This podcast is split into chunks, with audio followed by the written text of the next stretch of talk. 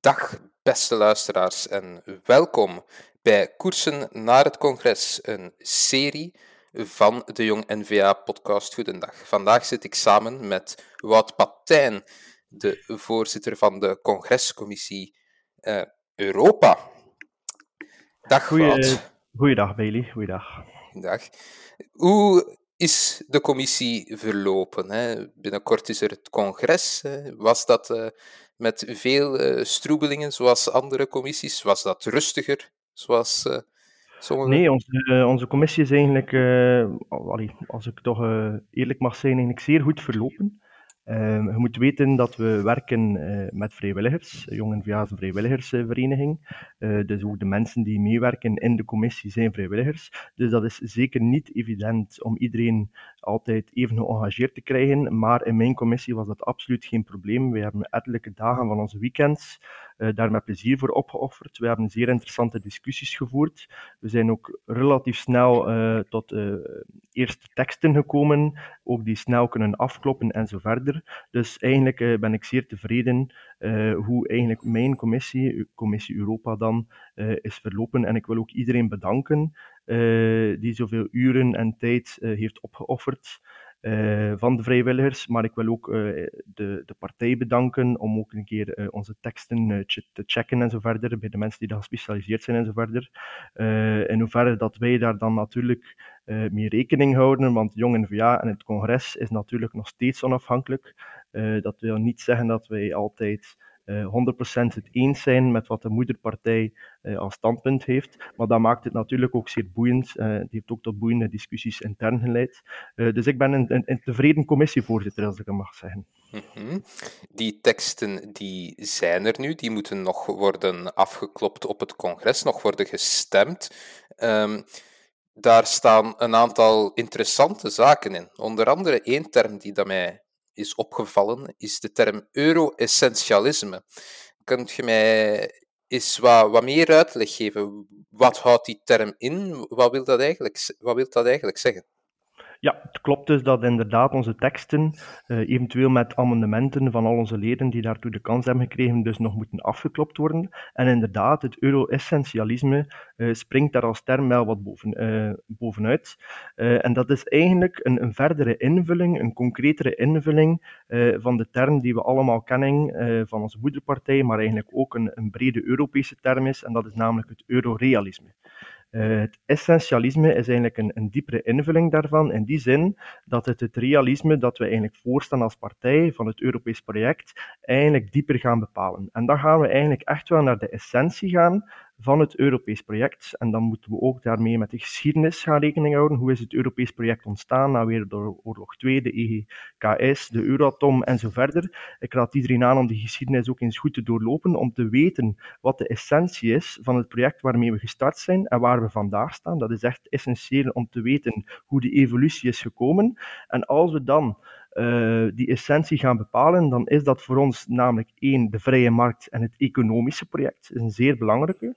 Um, dan gaan we ook meer naar de waarden, het vredesproject uh, van de Europese Unie. En dat vertaalt zich ook vandaag de dag uh, in ons Europees beleid. als je kijkt bijvoorbeeld naar ons Europese parlementsleden, naar heer Bourgeois, die zeer sterk bezig is met de handelsakkoorden, de Europese Unie als een economische macht, de stok achter de deur, ook op geopolitiek vlak onze economische macht, bijvoorbeeld in de migratiecrisis.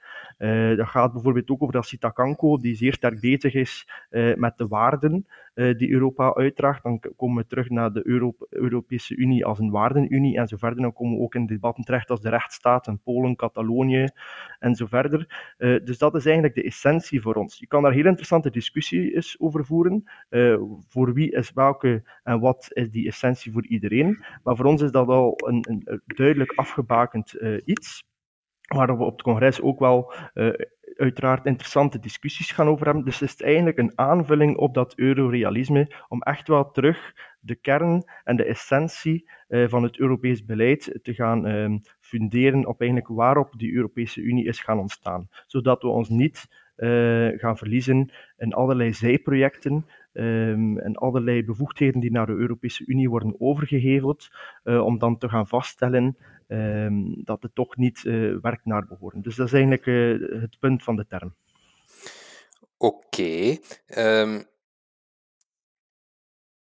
vele burgers zullen zeggen: oké, dat, dat klinkt allemaal wel goed, maar in essentie hè, is Europa nog altijd voor mij, zoals vele burgers dan zeggen, een ver van mijn bedshow. Dat, is, dat is zoiets wat dat er bij ons thuis toch regelmatig wordt gezegd.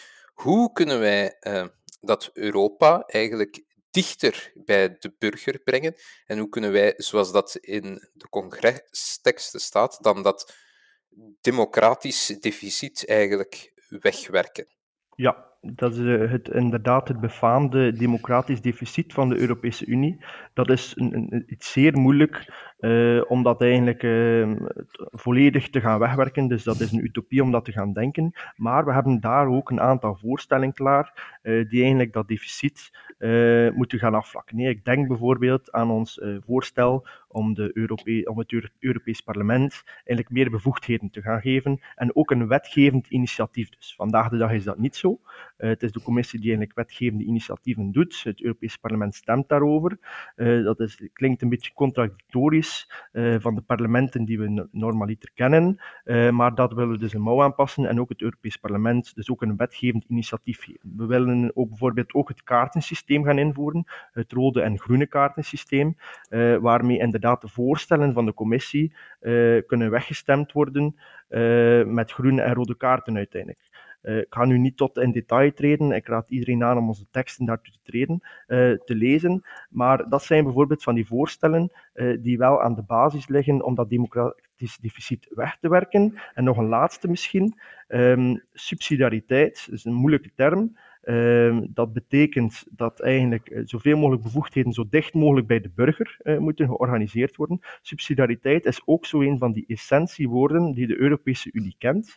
En daarbij moeten we terug gaan toe. Dus voor ons is het bijvoorbeeld ook geen taboe om bevoegdheden die uh, ooit door de confederatie, want Europa is een confederatie, beslist geweest zijn om terug om, om naar de Unie te brengen, om die terug eigenlijk naar de lidstaten te gaan overgeven. Ik denk bijvoorbeeld aan ons voorstel om het landbouwbeleid, dat nu heel sterk op Europees niveau zit, terug te, over te geven naar de lidstaten. En zo breng je ook Europees beleid opnieuw terug bij de lidstaten, waardoor ook dat democratisch deficit van, oh, dat is allemaal een, een ver boven ons hoofdshow, terug meer naar de burger te gaan brengen. Dus eigenlijk gaan we de redenering tot op vandaag bevoegdheden naar de Europese Unie, gaan we die eigenlijk gaan omdraaien en is het voor ons ook geen taboe om eigenlijk bevoegdheden die bij de Unie zitten opnieuw naar de lidstaten te brengen.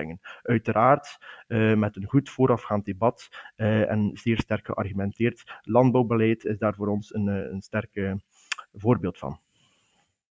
Goed, in de Commissie Europa zit er ook een stukje defensie. Um, in de con congresteksten blijkt dat wij voluit terugkiezen voor de NAVO, dat wij daar terug op willen inzetten. Andere partijen kiezen eerder voor een, te, te, kijken naar een Europese leger. We zien dat ook dat Frankrijk en, dat, uh, en de landen in die sfeer daar liever naar kijken. Uh, hoe komt het dat wij toch blijven kijken naar die NAVO? Ja, als, uh, dat hoor je vaak als ballonnetje. Uh, wordt opgestoken een Europees leger. Dat is, dat is nu e-, echt wel eens een, ver van mijn bedshow en eigenlijk uh, helemaal onmogelijk. ik acht het toch voor mezelf onmogelijk dat er ooit een Europees leger zou komen. Um, dat klinkt heel mooi in theorie, maar in de praktijk is dat eigenlijk amper te gaan bewerkstelligen. Dus dit pad hebben we eigenlijk, doen we toch al echt wel het voorstel om dit pad volledig te gaan verlaten en eigenlijk de, eh, de NAVO als defensiegemeenschap, waar we eigenlijk als land al heel lang in zetelen, uh, dat ook goed draait, met zijn gebreken, met zijn goede zaken, uh, absoluut wel nog als lid te willen van deel uitmaken de NAVO, en dan komen we ook in het debat terecht van de 2% BBP-regel, of het wel interessant is eh, om dat te doen. Wij kiezen daar resoluut voor. Onze defensie moet absoluut bijvoorbeeld versterkt worden. Um, maar als het dan ook gaat over een Europees leger, dan betekent dat niet dat we samenwerking uh, en meer integratie op Europees vlak uitsluiten. Nee, je kan bijvoorbeeld meer integratie op defensie gaan doen in zaken uh, aankoopbeleid en zo verder. als het gaat over meer samenwerking, dan kiezen wij ook resoluut voor een sterkere samenwerking tussen de lage landen, bijvoorbeeld in, zeer sterk met Nederland. Hè. We doen dat bijvoorbeeld al voor ons luchtruim. Um, ook in zaken marine zijn daar opties om dat toch maar meer samen te gaan doen. We kunnen absoluut veel van elkaar leren. Onze defensie is in ons land jarenlang, uh, als ik zelf niet uh, decennia mag zeggen, verwaarloosd geweest. Um, eigenlijk zijn we het NAVO-partnerschap vandaag de dag amper waardig. Dat moeten we absoluut gaan heropwaarderen. Uh, en dat staat ook in onze congresteksten, dat we daarop meer moeten gaan inzetten. Dus om concreet te antwoorden, het Europees leger is een utopie vandaag de dag. De Europese lidstaten hebben eigenlijk te veel verschillende belangen om zomaar uh, naar zo'n uh, volledig gemeenschappelijk veiligheidsbeleid te gaan. Uh, daarom is de NAVO eigenlijk een perfect partnerschap om dat veiligheidsbeleid wel nog altijd te garanderen. Tegelijk willen we ook inzetten op een sterkere integratie uh, en samenwerking, op zijn minst ook met onze buurlanden en in de eerste plaats ook met de, de lage landen, dan denk ik ook aan de Benelux en zo verder.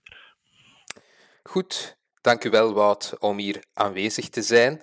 En dank u wel, beste luisteraars. Hopelijk kunnen jullie genieten van het congres dat eraan zit te komen. Uh, wij koersen alleszins verder. Ik wens jullie nog een goede dag.